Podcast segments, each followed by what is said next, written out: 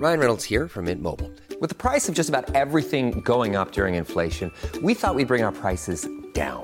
So to help us, we brought in a reverse auctioneer, which is apparently a thing. Mint Mobile unlimited premium wireless. Ready to get 30, 30, bit to get 30, bit to get 20, 20, 20, bit to get 20, 20, bit to get 15, 15, 15, 15 just 15 bucks a month. So, Give it a try at mintmobile.com slash switch. $45 upfront for three months plus taxes and fees. Promo rate for new customers for limited time. Unlimited more than 40 gigabytes per month. Slows. Full terms at mintmobile.com.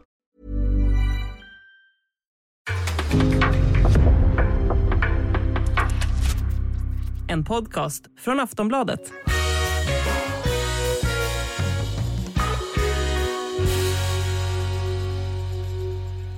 Ja, varmt välkomna ska ni vara till den här veckan där vi eh, helt och fullt kommer att fokusera på den svenska EM-truppen. För nu har Peter Gerhardsson och Magnus Wikman lagt de sista pusselbitarna.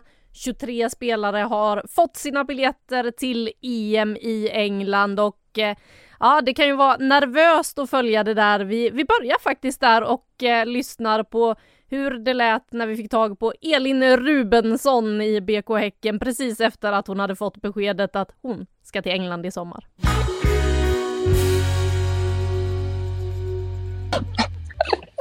Alltså jag var så nervös, jag kunde inte titta så.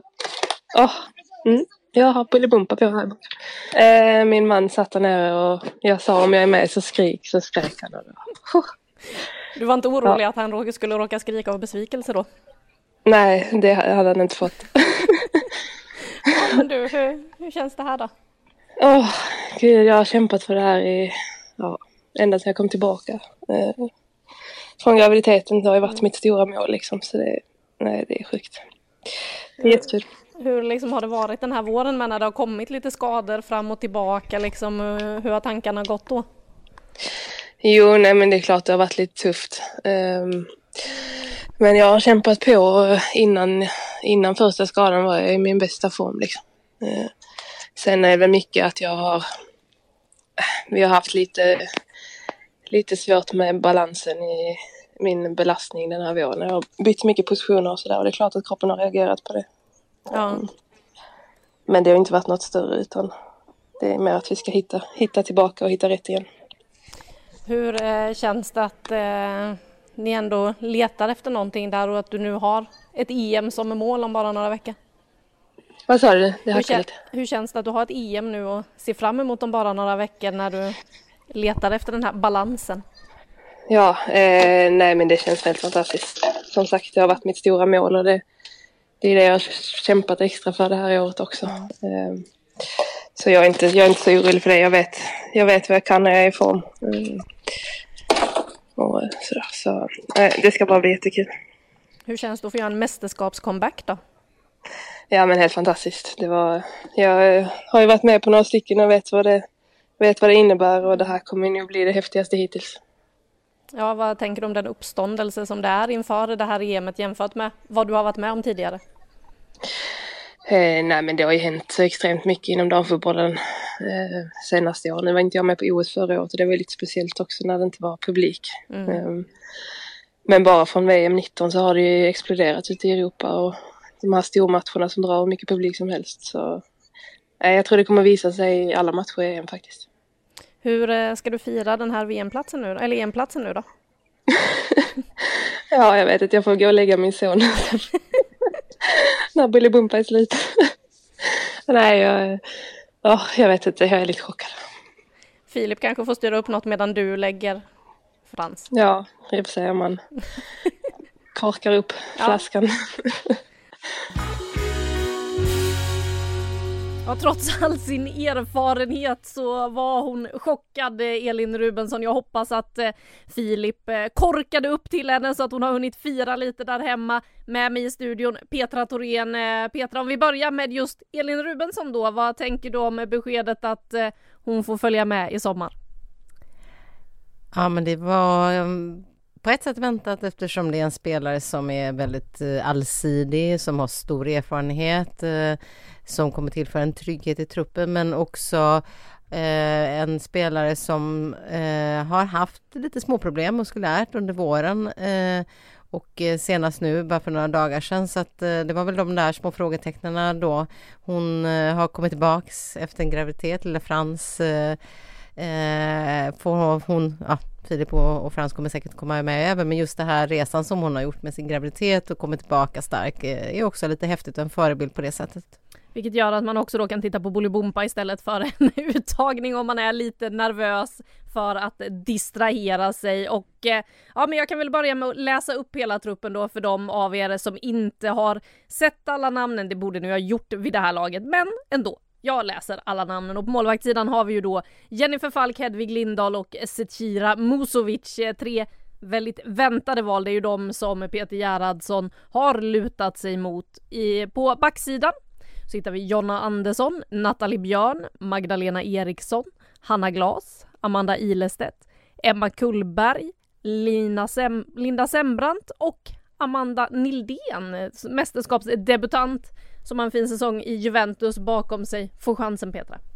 Ja det får hon och eh, det, jag tycker inte det var oväntat heller. Hon eh, tog sig med då till Algarve och gjorde ett väldigt starkt intryck på landslagsledningen där.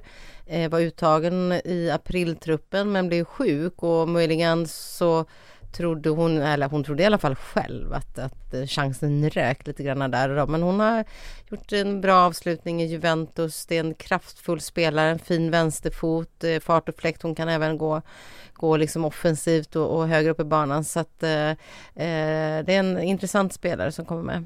Mm, och eh, Linda Sembrant alltså tillbaka efter att ha missat OS förra sommaren med sin korsbandsskada. Vi ska lyssna mer på henne om en liten stund för hon var ju den spelare som fanns med när truppen släpptes. Men vi ska titta vidare på eh, vilka fler som har fått biljetter då. Mittfält och anfall så hittar vi Filippa Angeldal, Kosovara Aslani, Hanna Bennison, Stina Blackstenius, Rebecka Blomqvist, Lina Hurtig, Sofia Jakobsson, Fridolina Rolfö, Elin Rubensson då som vi redan har hört, Olivia Skog, Caroline Seger och så ytterligare en mästerskapsdebutant i form av Johanna Rytting Kaneryd.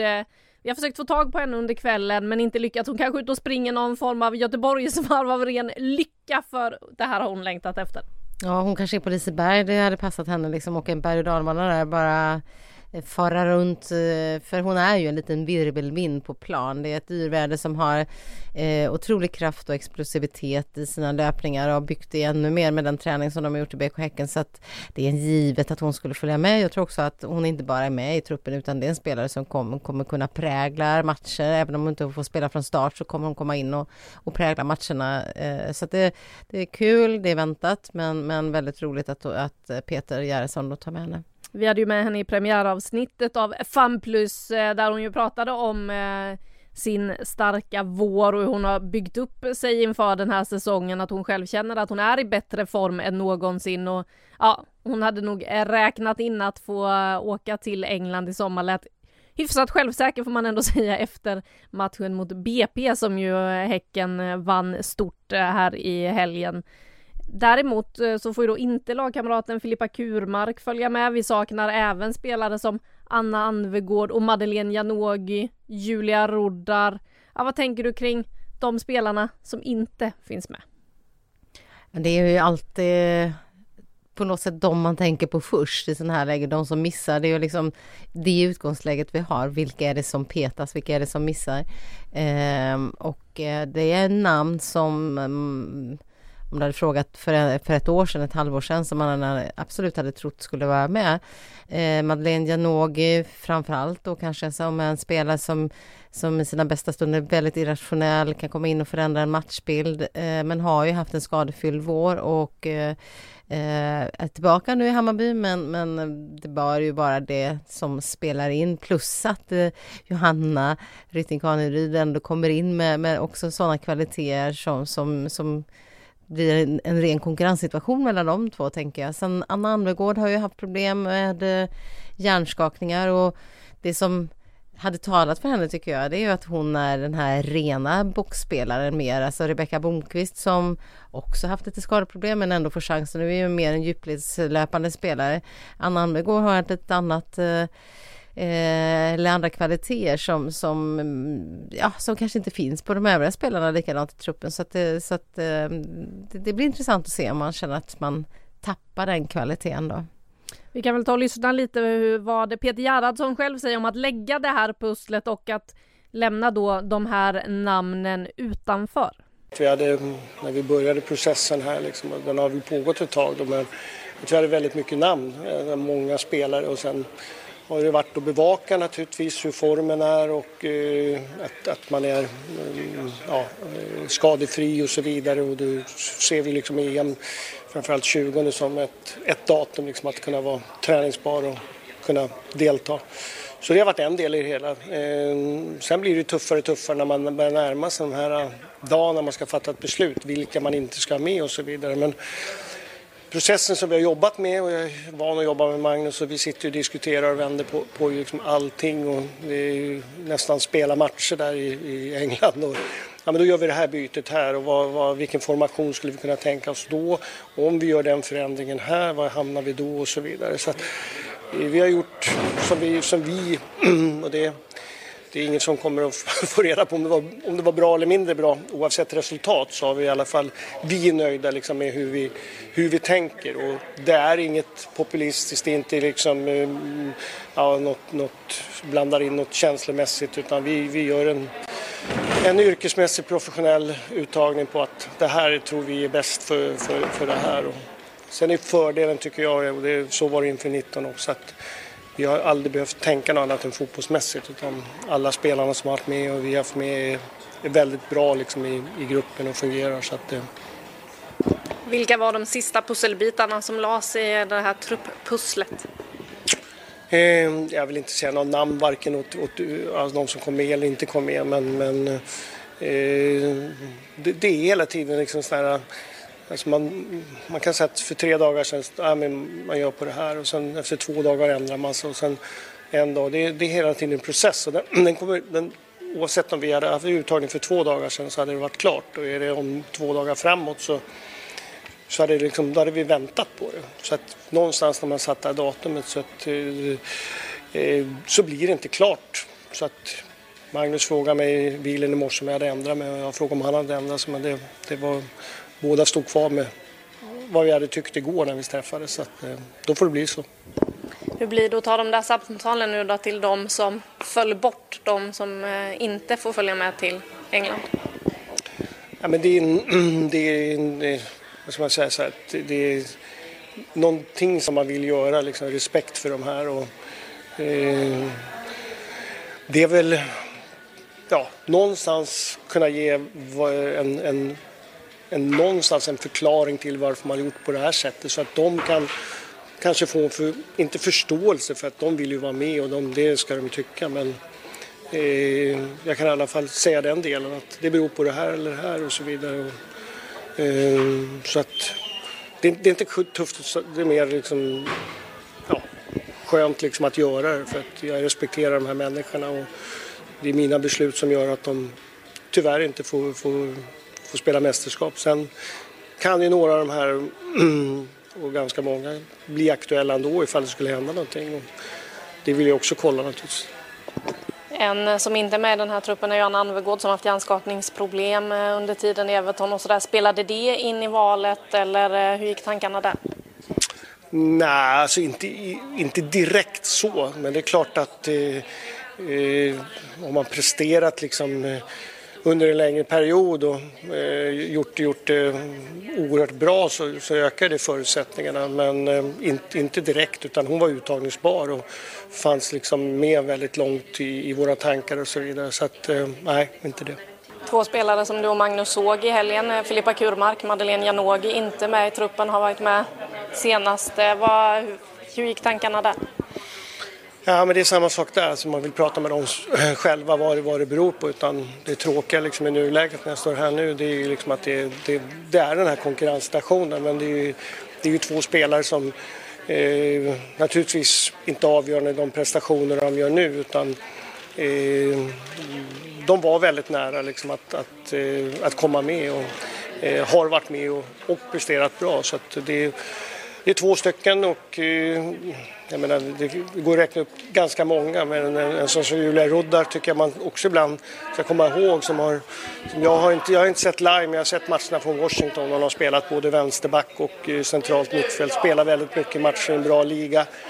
Eh, och var med oss senast i OS var med i VM också så att vi, vi, vi har väldigt, alltså många spelare som hade kunnat vara med i den här truppen, helt klart.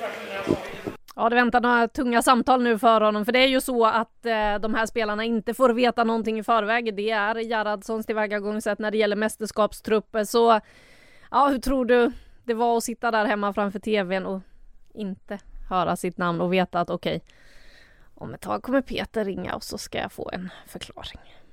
Ja, det är klart att det är tungt. Jag tror att flera av spelarna, de vet väldigt väl med sig själva, liksom att det här, jag ligger på gränsen eller eh, det lutar åt det ena eller andra hållet men sen överger ju hoppet den inte så att eh, någonstans in i det sista så, så hoppas man ju på givetvis att man ska finnas med i den där truppen. Eh, och flera utav dem, jag skulle nog säga alla de här, kommer sannolikt i det här samtalet som, som Peter Gerhardsson eh, väljer att ta med dem också få en uppmuntran på så sätt att han kommer sannolikt se dem som möjliga reserver. Det kan ju hända saker på vägen fram, det kan komma skador under landslagssamlingarna in mot EM så att eh, han kommer nog tror jag, säga till ett par av dem att, att vara beredd i alla fall ifall det uppstår skador. Då. Hur är det att få ett sådant besked tror du? Jag tror att skulle det komma sånt besked så skulle alla bara vara glada och ta chansen. Man tänker liksom att det är lite så här, att man bjuds in eh, med armbågen men, men samtidigt så eh, är det ju ändå en, en reell möjlighet så att får man det så är man nog, sträcker man nog upp handen och säger jajamän, boka mig till England. Ja, med det så lämnar vi dem som inte fick eh, följa med givetvis väldigt, väldigt tråkigt eh, att inte få se de spelarna i sommar. Men vi har ju en svensk trupp då med 23 spelare och som jag var inne på målvaktssidan, ja där känns det ju ganska lugnt. Men vem är egentligen första målvakt Petra? Mm, det är spännande eftersom Peter Gerhardsson ändå eh, har visat sig då att han kan alternera mellan Hedvig Lindahl och eh, Jennifer Falk då framförallt, det är ju de två. Eh, och eh, det finns eh, en möjlig tanke i att motståndet liksom avgör vem han väljer om han vill ha eh, en, en, en liksom med, kanske mer rutinerad målvakt om Sverige möter ett svårt motstånd som, som ändå har varit med, liksom så som Hedvig Lindahl har varit med, eller om man vill ha Jennifer Falk som en del av speluppbyggnaden som kanske är bra också på de här djupledsbollarna de kan rusa ut. Men jag tror ändå att det kommer luta åt att Hedvig Lindahl kommer få chansen. Och sen hänger det då på om Hedvig är eh, påverkad av att hon inte matchat så då i Atletico. Men hon har ju inte visat tendenser på att, eh, att ha problem med det innan. Så att eh, jag tror att är hon bara trygg och stabil och det kommer de märka på mot Brasilien och sen in, in i turneringen och på träningar så här så tror jag faktiskt att Hedvig fortfarande är första målvakt. Vad tror du? Jag håller med där och eh, hon visade ju det bland annat i VM i Frankrike där hon var lite i samma situation och också hamnade i det här att hon tog eh, farväl av sin klubb och hela, alltså allt det här som också skakar om runt henne just nu. För det är ju så att hon har lämnat Atletico. Eh, vi vet i poddandets stund inte var hon hamnar än. Eh, hon eh, flaggade ju till och med under förra landslagssamlingen att eh, det kunde vara så att hon till och med väljer att lägga av om det inte dyker upp ett bud som känns helt rätt. Så att eh, vad som händer i hennes framtid får vi väl se, men det känns ju som att hon har visat under mästerskap hur trygg hon är mellan stolparna och försvaret vet vad de har henne där bak. Det är också en väldigt verbal och styrande målvakt så att eh, jag tror ju också att Hedvig kommer att vara första valet även om Jennifer Falk har fått en hel del chanser på senaste och det är ju skönt, känns ju skönt att veta att det finns alternativ. Vi har ju också Zecira Musovic som faktiskt har spelat sig in i ett Chelsea och fått mer matchning än eh, vad hon kanske haft tidigare när hon har känt som verkligen det givna tredje valet i landslaget ett tag när hon faktiskt satt på bänken mycket i Chelsea så att nej, det är härligt med konkurrens där. Där kan man ju blicka mot vårt grannland till exempel som har det som sitt största problem inför EM. Norge som också tog ut sin trupp idag. De fick ju målvakten eh, Cecilie Fiskestrand korsbandsskadad, första målvakten. Ingrid Hjelmeset som var den som eh, vaktade kassen otroligt länge där hade ju, har ju lagt handskarna på hyllan och Fiskestrand tagit över efter henne.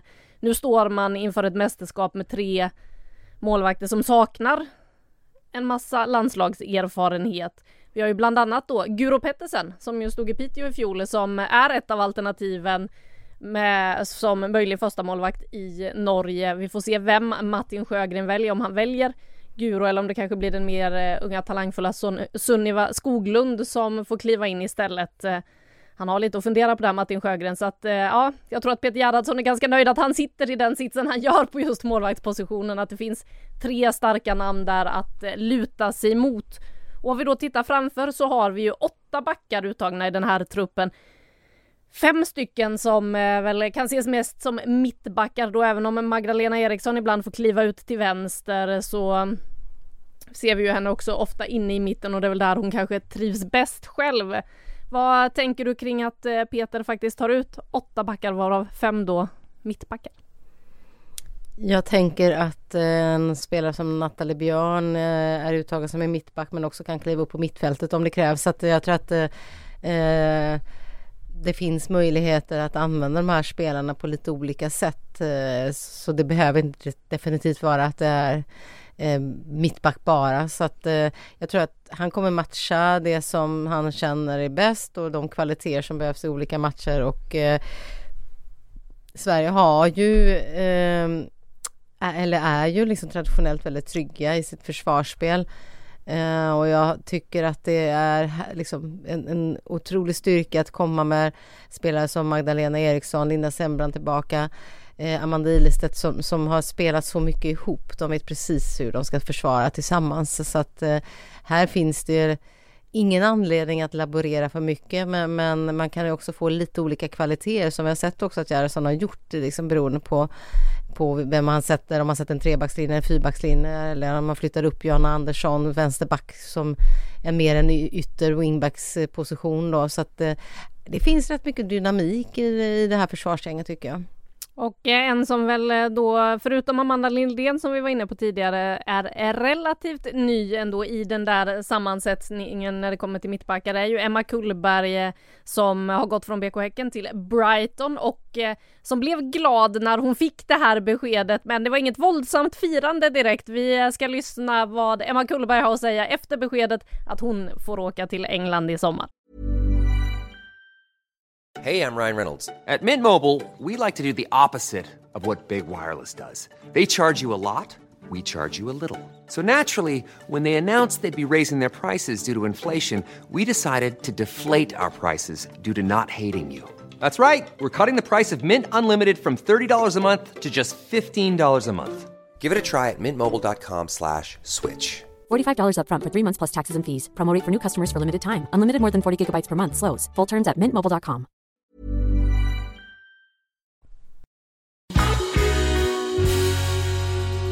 Vad betyder det att se sitt namn då och höra Peter säga det? Nej, men som det är en ära att få representera eh, Sverige i, i EM och ja, men få vara en av, en av dem som han tar ut. Eh, så nej, men jag är, jag är jätteglad och, och stolt att få vara där. Hur firar man att man är med i en EM-trupp då? Eh, ja, det, det blev lite middag här hemma. Nej, men, eh, nej, men det, jag kommer förbereda mig eh, så mycket som det går för det. Eh, ja, det är väl på det sättet eh, jag firar och kanske med en Pepsi Max eller någonting. det låter som ett lagom stillsamt firande och vad tror du det blir för ja. mästerskap i sommar då nu i England, ditt nya hemland? Eh, ja, nej men eh, det kommer bli, bli väldigt spännande. Det är ju många eh, bra lag med i EM och det kommer bli tuffa matcher. Ehm, men eh, jag ser våra chanser som väldigt goda och stora. Eh, vi har ett jättebra lag med fantastiska fotbollsspelare. Eh, så det ska, bli, det ska bli väldigt kul. Eh, ja. Hur är det att hålla igång så här nu då när er säsong har tagit slut och ladda in mot ett EM? Eh, nej men jag tycker alltså vi har ju ändå fått möjligheten nu att träna, träna fotboll mm. här i Sverige och vi har varit duktiga också på att liksom träna på egen hand trots att vi har liksom haft ett uppehåll eh, så har vi tränat på väldigt bra. Eh, så det, nej men så det, och sen kommer det vara ett, alltså några dagar eh, nu i juni också med, med landslaget och så är det förlägret så det känns ändå, känns ändå bra och att man ja, men håller igång och får en, vara i en bra träningsmiljö. Är det du som har varit eh, PT för gänget när ni har varit på semester eller? ja, men jag brukar få höra det. Eh, men jag tycker det är väldigt kul. Eh, jag gillar ju att träna också så det, det kanske faller liksom naturligt på den biten. Men sen är det också det är roligt när vi är fler som gillar att träna och kan göra det tillsammans. Hur tycker du de har sett ut de andra som du har fått träna nu då under semestern? Känns det som att ni är redo för det här EMet? Ja, det är vi. Eh, det har sett jättebra ut. Ja, med tanke på att de har slutat spela så känns det ju skönt att man har en PT i Emma Kullberg här. De har ju haft några veckor ledigt nu. Vi har sett på sociala medier hur hon har varit eh, på semester i Italien med bland annat då även landslagsuttagna Nathalie Björn och Filippa Angeldal och eh, ja, känns skönt att Emma Kullberg säger att de är i form. Hon tycker de ser bra ut på träningarna. Ja, jag tyckte det såg ut som de vilade rätt mycket men det behöver man ju det också. Och eh, apropå då Filippa Angeldal så är ju hon en eh, nyckel i det svenska spelet. Man pratar inte alltid så mycket om henne men vi vet vad hon gjorde på OS förra året och det är en ung spelare men hon spelar ju på ett otroligt moget sätt och har en passningsfot som länkar mellan mittfält och, och, och anfallarna så att eh, det är väldigt eh, skönt att höra att hon är i form då som kommer. För hon har inte heller haft så mycket speltid. Hon har också haft lite utmaningar med det i Manchester City då där hon spelar. Ja, och eh, innan vi går över på hur man ska spela på det där mittfältet då så kan vi väl ta och lyssna också på comebackande Linda Sembrant som eh, fick följa OS från tv-soffan. En tuff upplevelse för eh, Sembrant som nu alltså är tillbaka, spelaren som spelade varenda minut i VM 2019. Nej men det är underbart, väldigt glad att stå här. Det känns fantastiskt att vara uttagen till ett nytt mästerskap. Vad tänkte du när de hörde av sig och sa att du skulle infinna dig här idag? nej men jag känner att det måste ju vara att jag betyder att jag är uttagen. nej men väldigt kul. Ehm, jag hade förhoppningar och och stå här idag och vara med i truppen så att jag är väldigt glad. Tänk om du hade fått erbjudande om att vara expert på SVT istället då? Ja, det hade jag inte gjort. Hur eh, blir det då att få vara en del av det här landslaget igen i ett mästerskap, du som fick följa OS från sidan? Eh, nej men det känns otroligt bra. Eh, det var väldigt, väldigt tufft att följa OS. Eh, man saknade laget, att spela för Sverige saknade allt egentligen. Eh, alltså det var under en period eh, när jag precis hade opererat mig och började lära mig gå igen för att knät skulle fungera. Så att det har eh, varit ett speciellt år för mig. Men att kunna bara få känna det att nu har man den här sommaren framför sig och få uppleva ett nytt mästerskap är lite obeskrivligt. Hur bra skulle du säga att det här laget är då? Går det att beskriva det? Eh, ja, det krävs ju lite. Nej, men det är ett eh, fantastiskt bra landslag, väldigt starkt landslag. Eh, jag skulle säga att vi har verkligen visat det de sista åren, mm, både med resultat och spelmässigt, att vi är ett väldigt bra landslag just nu.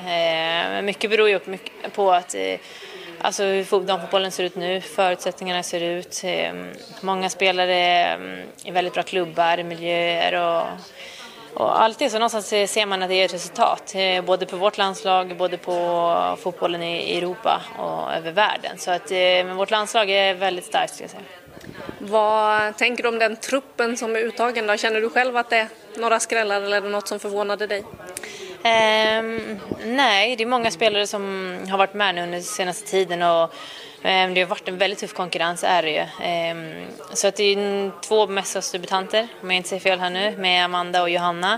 Uh, alltså väldigt kul, Amanda har ju följt genom året såklart på hemmaplan och sett hennes utveckling och Johanna såg jag första gången när jag spelade i Tyresö och hon var en 17 år och började träna med oss men hade sönder korsbandet. Så att jag vet ju också vad hon har gått igenom när det gäller skador. Så att jag är väldigt eh, glad för hennes skull också att få, få vara med.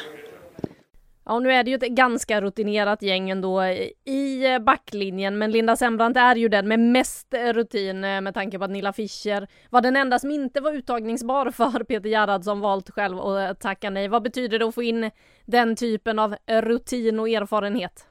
Jo men det betyder ju otroligt mycket och, och Sembrant har ju visat sen hon kom tillbaka att hon är kvar på den höga nivån.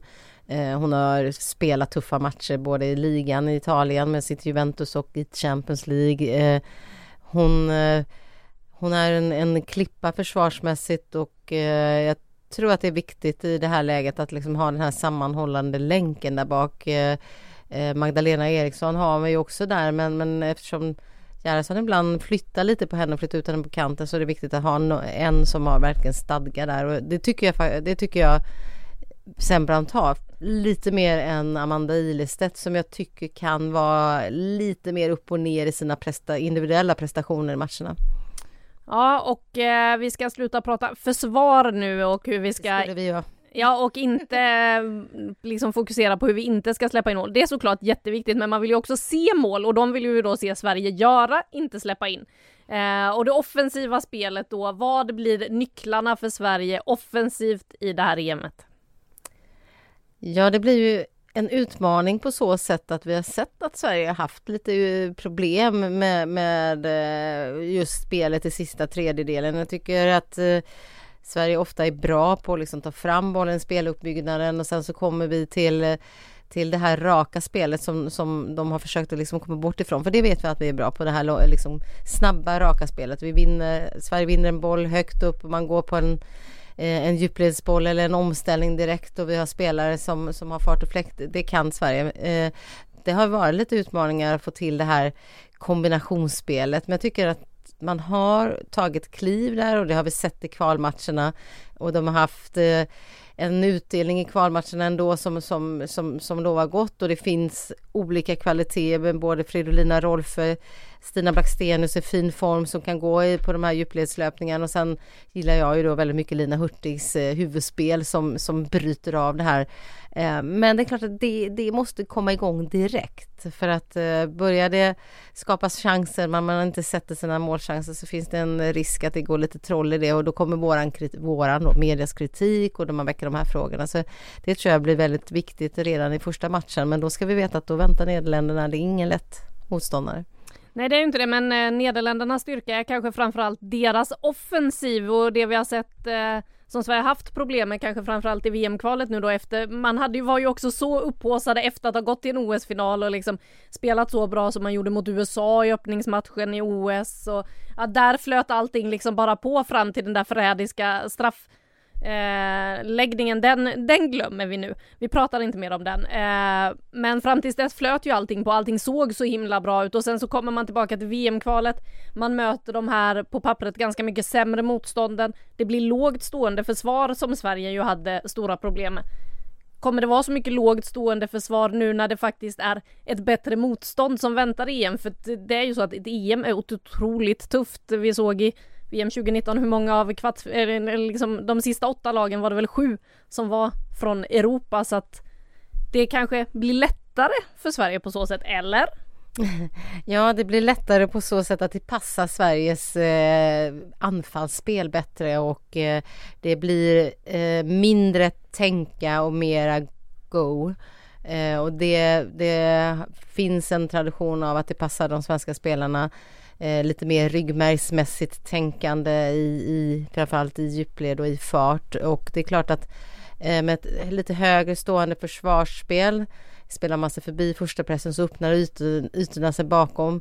Och det är som du säger där att det är framförallt mot de här riktigt låga försvarsspelen där det försvaras med liksom eh, alla spelare liksom i stort sett utanför, e-, i och utanför eget straffområde så, så är det kanske framförallt där som Sverige haft utmaningar och luckra upp det och eh, man har ju det som är häftigt i det här laget tycker jag att man har så många olika kvaliteter och så offensiva kvaliteter men har eh, en Sofia Jakobsson som inte alls kommer till sin rätt mot ett lågt stående försvar. Det finns liksom inga ytor att springa på och släng in henne liksom mot ett högt stående försvar så kommer hon ju vinna den löpduellen. Eh, Eh, åtta av tio gånger så att det finns ju de här kvaliteterna att, att laborera med lite olika kvaliteter mot, mot eh, ett motstånd och eh, äh, Sverige ska ju klara det. det. De har utvecklat ett spel och en trygghet även offensivt eh, under Peter Gerhardsson så att eh, det kommer de bara upp på en en, liksom, en bra individuell prestationslag, få till sitt kollektiva spel, få till det här rörelsemönstren som är så viktiga och liksom eh, kanske då ha också Filippa Anjedal som är, tycker jag, vi pratar ofta om Kosovo Asllani och hon är otroligt viktig som en nyckel i, försvar, eh, i, i anfallsspelet. Men jag tycker också att Filippa Anjedals eh, öppnade passningsspel eh, är otroligt viktigt för att det ska bli riktigt bra. Vi fick ett väldigt långt svar. Ja men det här pratar vi ju på. Herregud, här har man hur mycket tid på sig som helst att breda ut sig. Eh, och eh, det är ju så att vi kommer eh, enbart att prata EM i den här podden och eh, vi kan väl ta och titta lite då på liksom det som kanske blir den absoluta nyckelmatchen i det här mästerskapet. Den spelas ju faktiskt redan den 9 juli för Sveriges del. Det är öppningsmatchen mot Nederländerna, det tuffaste motståndet man har i gruppen. Och också då, ska man vinna gruppen och få den kanske på pappret enklare vägen mot Wembley, ja eh, då gäller det ju att det går bra mot Nederländerna, ett Nederländerna som har en av världens eh, främsta spelare i form av Midema till vardags i Arsenal som Stina Blackstenius borde ha hyfsad koll på men hur ska de stoppa henne? Ja, eh, vi pratade lite med Peter Gerhardsson faktiskt eh, precis efter hela den här truppupptagningen eh, när eh, han sprang och eh, letade, vad var det han letade efter? Han var... Paninikort och det kan jag förstå för det verkar vara svårt att få tag på dem i Sverige. Jag ska själv ut och leta i butikerna. Vi har ju hyllat det här initiativet i podden tidigare. Men eh, det verkar inte vara helt enkelt att få tag på de där samlarkorten när man väl har ett album så att jag ska, jag ska undersöka den saken. Men Peter Gerhardsson han såg till att samla på sig lite. Ja, han gjorde det. Det var jätteroligt att se. Eh, och han delade också med sig, för jag sa att jag, det här var ursäkta, men jag kunde få med mig några hem till sönen också. Så att, eh, för det var ju då till Peter Gerhardssons son som han samlade på, Precis, åtminstone enligt hans utsago. Men eh, i det här lite eh, ostrukturerade, mer spontana eh, samtalet efteråt så berättade han just om en match för ett par år sedan i, i eh, engels, eh, i, alltså i den engelska ligan där Chelsea spelar mot Arsenal och eh, Magdalena just liksom hittade verkligen nycklarna för att, för att då plocka ner henne och eh, vi får väl egentligen gå in och titta på den matchen och se vad, vad det var Magda gjorde men det som skulle kunna vara en liten farhåga tycker jag, det är ju att svenska backlinjen är otroligt bra, Eh, stark fysiskt, placeringsmässigt väldigt, väldigt säkra.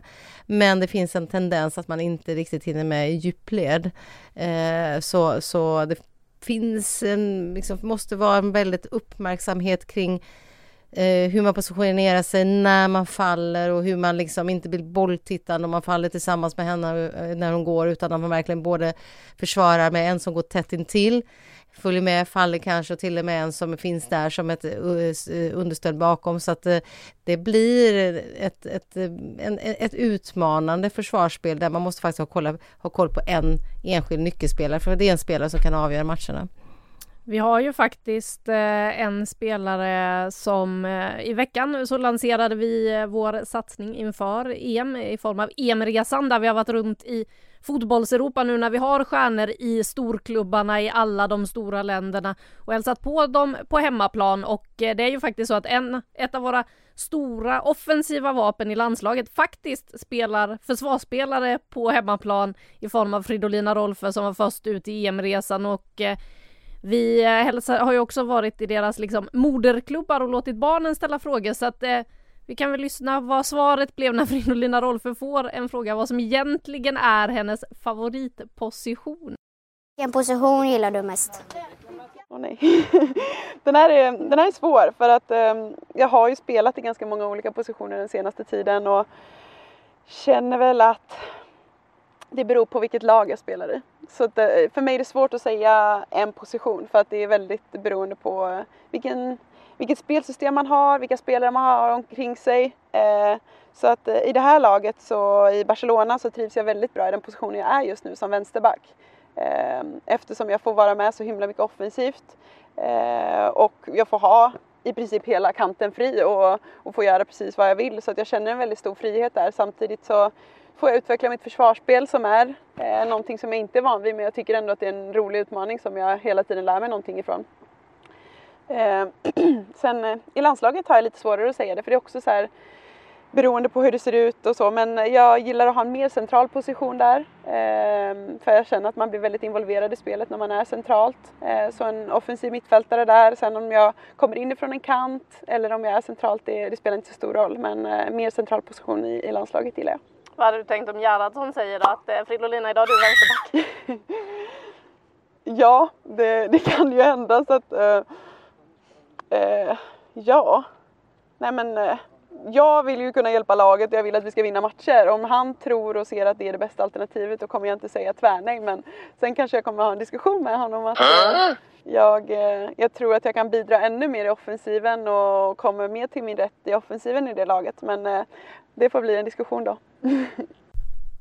ja men Petra hon är ganska tydlig där, hon är inte vänsterback i det svenska landslaget.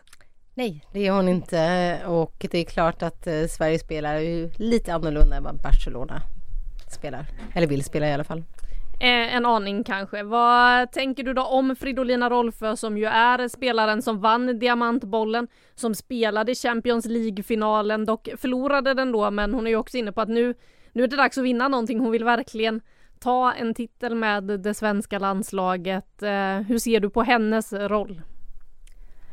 Jag hoppas att hon eh, håller sig fräsch, eh, fysiskt fräsch genom hela mästerskapet eh, och det verkar ju som att hon har kommit till rätta med det och det berättade hon väl lite för dig när du var nere och träffade henne just att att hon har liksom lärt sig lite grann under sin tid i Barcelona hur hon ska balansera sin belastning för att, för att hitta rätt. Det är en atletisk spelare med en fin spelförståelse med ett fruktansvärt härligt eh, skott med sin, med sin vänsterfot och eh, som är, är, fin att se när hon kommer och utmanar mot den. Hon har vi också sett nu i Barcelona när hon spelar vänsterback så, så är det ju otroligt många inlägg som kommer från hennes kant då, så att hon har, hon har många kvaliteter men det är också en, en nyckelspelare som, som eh, Sverige liksom kommer luta sig mot för att eh, få hål på sina motståndare. motståndare.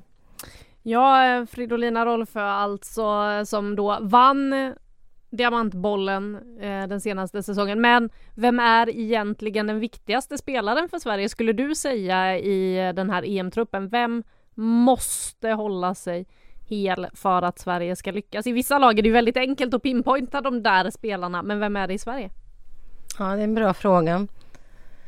Um, och vi kanske landar i att det är Caroline Seger. Eh, även för att det finns inte den rent raka ersättaren som kan ta det stora ansvaret som eh, det handlar om eh, på centrala mittfältet i en lite mer balanserande roll där Caroline Seger styr sitt lag som en, som en kapten styr sin skuta. Hon, hon hon är så skicklig på att eh, som pulsera tempot och bestämma tempot i matcherna och det är, det är en förmåga som, som du inte kan lära dig riktigt utan du har den, det finns där och det är liksom ingen annan riktigt som har kanske behövt att ta det ansvaret men som, in, som inte heller har riktigt den förmågan eller erfarenheten att göra det. Så jag skulle nog säga eh, Caroline Seger då. Vår främsta landslagsspelare, den som jag faktiskt har spelat flest landskamper i hela Europa, ska operera på det där mittfältet. Eh. Men hon kanske inte ska slå den sista avgörande straffen om det blir en sån. Nej, vi får väl se vad som händer och sker. Eh, Peter Gerhardsson var ju inne där på, som vi hörde tidigare, om det här med att lägga pusslet, att de till och med satt och liksom började fundera sådär, okej, okay, om vi gör det här bytet i den där matchen och så. Undrar om de till och med har hunnit till en straffläggning i en eventuell final. Vilka kan då slå straffar? Ja, undrar det och undrar om de har liksom lärt sig någonting av den erfarenheten som de fick på, på OS. Vi får väl se. Ja, förhoppningsvis behöver det inte bli ytterligare straffrysare. Jag vet inte hur många som klarar av det rent nervmässigt. Eh, men en final på Wembley, det vore ju härligt. Ja, men det är klart och det är ju ett lag som förtjänar att ta sig hela vägen. Eh, det har varit så många mästerskap eh, där det har gått, räckt nästan hela vägen fram. Det finns kvaliteter, det finns spelare som spelar i de riktigt stora klubbarna. Det finns eh, eh, verkligen så här starka profiler som också har varit med om så mycket och jag tror att hela liksom om man tittar då på de här senaste mästerskapen och inte OS som vi pratade lite grann här om straffläggningen men det är klart att du kan inte hamna i en tuffare situation än vad de gjorde där tillsammans och hela den erfarenheten har du ju med dig som ett liksom härligt bagage in nu. Det går inte att bli så nervös igen misstänker jag. Så att det värsta liksom, det hände ju där så att det, och det tror jag är en nyckel också som, som de kan ta med sig in så att eh, det är klart att det ska bli en final. Ja, och eh, de drömmer ju om ett guld. Eh, spelarna sticker inte under stolen med att det är målsättningen. Eh, man är faktiskt väldigt raka där. Det här med att vara underdogs, det är inget för Sverige längre. Nej, det är ju inte det, säger de. och så har jag varit så här negativ hela veckan, men, men jag tror ju att just det här att kliva in med den kaxigheten och den det självförtroendet är bra men, men eh, det finns också en mental aspekt och jag vet inte om de är riktigt redo för att eh, för att bära den, den eh, liksom pressen. Det finns så mycket som kan hända på vägen fram och fallet blir ganska stort när man sticker ut hakan fast samtidigt det är bara gilla det. Man älskar ju att de har sin lite kaxiga attityd och att de liksom sätter de hymlar inte med vad målet är. Det är ingen snack om att vi ska ha ett prestationsmål utan det, det är guldet som ska hem. Så, så får det väl bära eller brista då. Men du, det är ganska många lag som ska ha medaljer i det här mästerskapet. Norge som sagt, de presenterade sin trupp innan idag och Maren Mjelde som är tillbaka där som ju har varit, haft eh, en tuff skada tillbaka i eh, både då Chelsea och i det norska landslaget. Eh, sa där att ja, nej, men vi har suttit ner och snackat. Det är medalj som gäller för det är ju gruppspel, sen är det kvartsfinal och tar man sig förbi kvartsfinalen i ett EM, en semifinal innebär medalj. Eh, så att det är Norges mål. Vi har ett England på hemmaplan. Vi har ett revanschsuget Tyskland som eh, minns hur det var att åka ut i en kvartsfinal mot Sverige och missa OS. Och, ja, de lär vara sugna. Vi har ett eh, Frankrike där det pratas lite om hur det är med gruppdynamiken där man har lämnat både Lesomer och Amandine Henry utanför truppen men det finns många unga spännande spelare i det där laget. Och så har vi ett Spanien som bygger på Barcelonas eh, stomme bland annat med de tre mittfältarna som styr och ställer ifrån då dirigeras av hjärtat i den där truppen, Alexia Putellas. Eh, så ja, alla de här kan knappast ta medaljer. Så många medaljer finns det inte, även om det då inte är någon bronsmatch i ett EM. Nej, så är det ju och eh, det, men det är ju också så att under ett mästerskap så händer saker liksom eh, som man kanske inte har förväntat sig. Eh, det är väldigt små marginaler. Nu låter jag som någon klyschig tränare här. eh, och det är jag ju inte, men, men... Du är ju ändå fotbollstränare. Ja, det är jag. Ja. På en liten annan nivå dock. Men, men det är ju, det är ju verkligen saker som sker över tid i en trupp. Du får sjukdomar, du får skador, du får förändringar som du inte riktigt eh, kanske har, har räknat med. Så hur många pusselbitar Magnus Wikman och Peter Gerhardsson ändå har lagt så finns det ett par kvar i det här tusenbitars pusslet. Så att jag skulle nog säga att eh, eh bredden på truppen är otroligt viktig och det tycker jag Sverige har. Eh, man kan faktiskt kasta eh, in eller sätta in olika spelartyper i anfallet till exempel så, så kommer det ändå vara bra. Men bredden är ju betydligt och sen har du ju det här som vi pratar om då när det gäller franska landslaget. Eh, strävar man åt samma håll eller inte? Den mentala aspekten som är otroligt viktig och, och där kommer en del falla ifrån. Jag tror exempelvis inte att Spanien är redo. Det tyckte jag vi såg på Barcelonas Champions League-final mot Lyon att, eh, att eh, det är inte spelare som är redo att stå upp i det fysiska spelet och med den mentala pressen som en final innebär. Så att eh, vi kommer nog, det kommer utkristallisera sig vem som kommer att hantera det bäst och vilka som har flest redskap för att det är så många olika aspekter under ett mästerskap. Ja, vi såg ju Barcelona då i Champions League-finalen och eh, det är ju faktiskt så att eh, Spanien, även om de blir uppskrivna inför det här mästerskapet, eh, faktiskt aldrig har presterat riktigt på seniornivå i mästerskap. Något som Fridolina Rolfö påpekade när jag var där nere att ja, men jämfört med oss så saknar de ju mästerskapserfarenheten. Ändå är de så uppskrivna och förbundskaptenen Jorge Vilda när han tog ut sin bruttotrupp, eh, de har inte tagit ut den slutgiltiga helt än tror jag inte. Jag tror de är uppe, eller de har 28 spelare fortfarande i sin trupp eh, som då ska ner till 23. Så sa han eh, att eh, det är ju väldigt höga förväntningar på det här laget och det är inte bra att det är så höga förväntningar. Till och med vänner säger att de aldrig har sett att ett lag som inte har vunnit någonting har haft en sån press på sig och det är inte de bästa förutsättningarna för att kunna gå ut och prestera.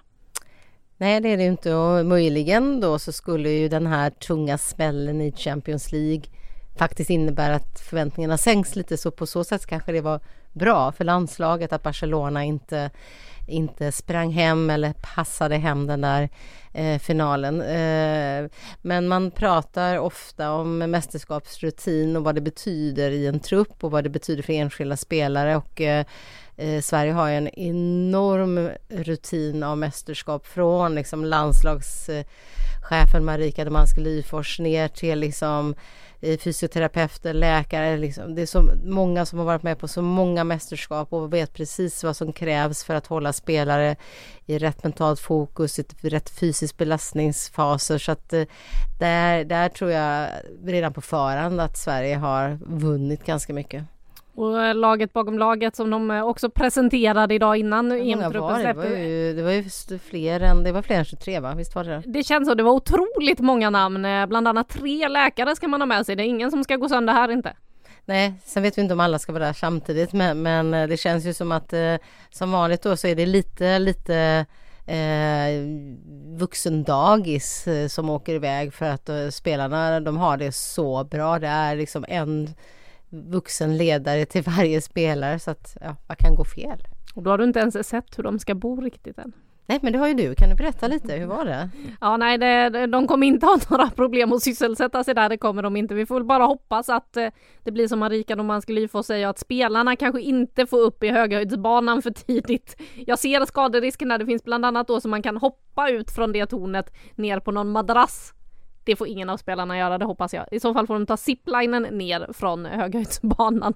Det såg eh, aningen säkrare ut, men vi kan väl lyssna lite på vad Linda Sembrant säger att det betyder med ett bra boende och att faktiskt få en bas, för det är ju inte det här landslaget särskilt bortskämda med. Nej, men det, det låter ju bra. Det verkar som att det finns en hel del, eh, hel del saker där. Och, eh, nej, men förbundet och de är väldigt duktiga på att kolla upp hur vi ska bo och väldigt eh, ordning på det så att vi är väldigt trygga. Hur viktigt är boendet under ett mästerskap och vad betyder det att ni faktiskt får en fast bas här nu igen under stora delar av mästerskapet? Men det är ju väldigt, väldigt skönt att ha en fast bas, ett eh, bra boende så att allting flyter på smidigt. Det är det man vill ha, att allt bara rullar på än att det blir små störningsmoment som man lägger energi på och sådana delar. Så det är väldigt, väldigt viktigt. Och jag vet mästerskap där vi har liksom rest eh, i stort sett var och varannan dag och långa resor har vi gjort vissa mästerskap. Det är ju slitsamt så att eh, ha en bas är, är väldigt skönt och, och spela matchen, komma tillbaka till den, det skapas någonstans ett hem. Eh, så det är väldigt bra. Det finns en höghöjdsbana med, är det några som är höjdrädda?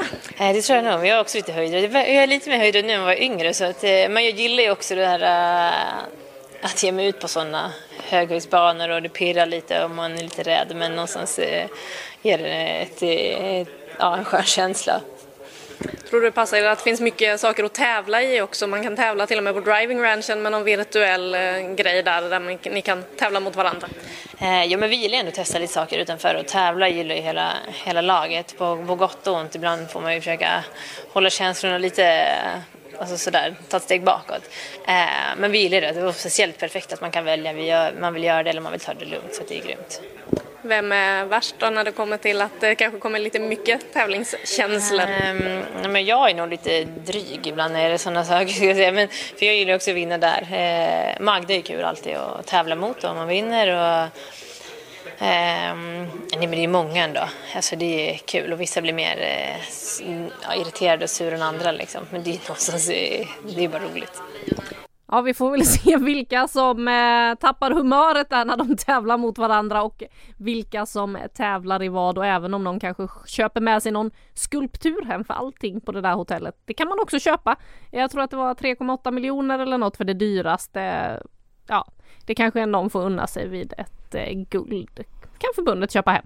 Ha stående ute vid Friends.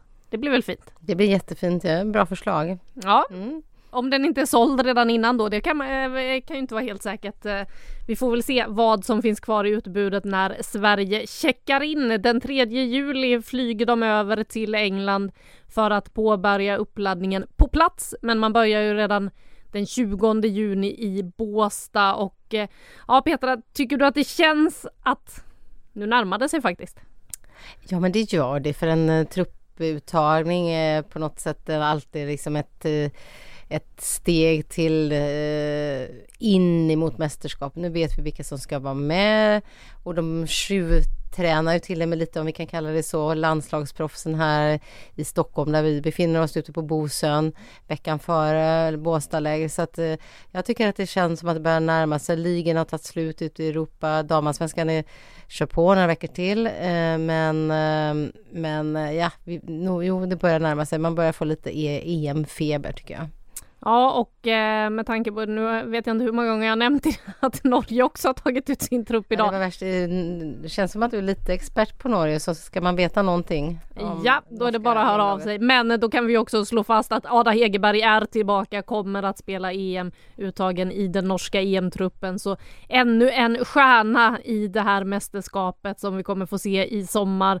6 juli så är eh, premiären England mot Österrike. Innan dess så kommer ni att kunna ladda upp med massor av innehåll på Sportbladet. Bland annat så har ju EM-resan då som vi var inne på rullat igång. Det kommer besök hos Magdalena Eriksson, Lina Hurtig, Hanna Glas och Amanda Ilestedt också framöver. Så att ja, vi ska ta er ut till eh, Tyskland, Frankrike, Italien och England innan vi faktiskt drar över och eh, det kommer en EM11 också där ni kommer kunna utmana era kompisar så börja fila redan nu. Jag har redan fått eh, frågor från eh, släkten som vill utmana varandra och eh, har revansch efter att ha misslyckats lite i herrarnas eh, EM11 i fjol så att ja, börja fila på era lag. Eh, det kommer också släppas. Håll utkik med det så ska vi runda av den här podden. Nästa vecka är vi tillbaka i lite mer vanligt format för FAM plus och eh, prata vad som händer i damallsvenskan också. Så vill ni höra det får ni hålla ut till nästa vecka. Med det så tackar jag så hemskt mycket för att ni har orkat hänga med oss här idag.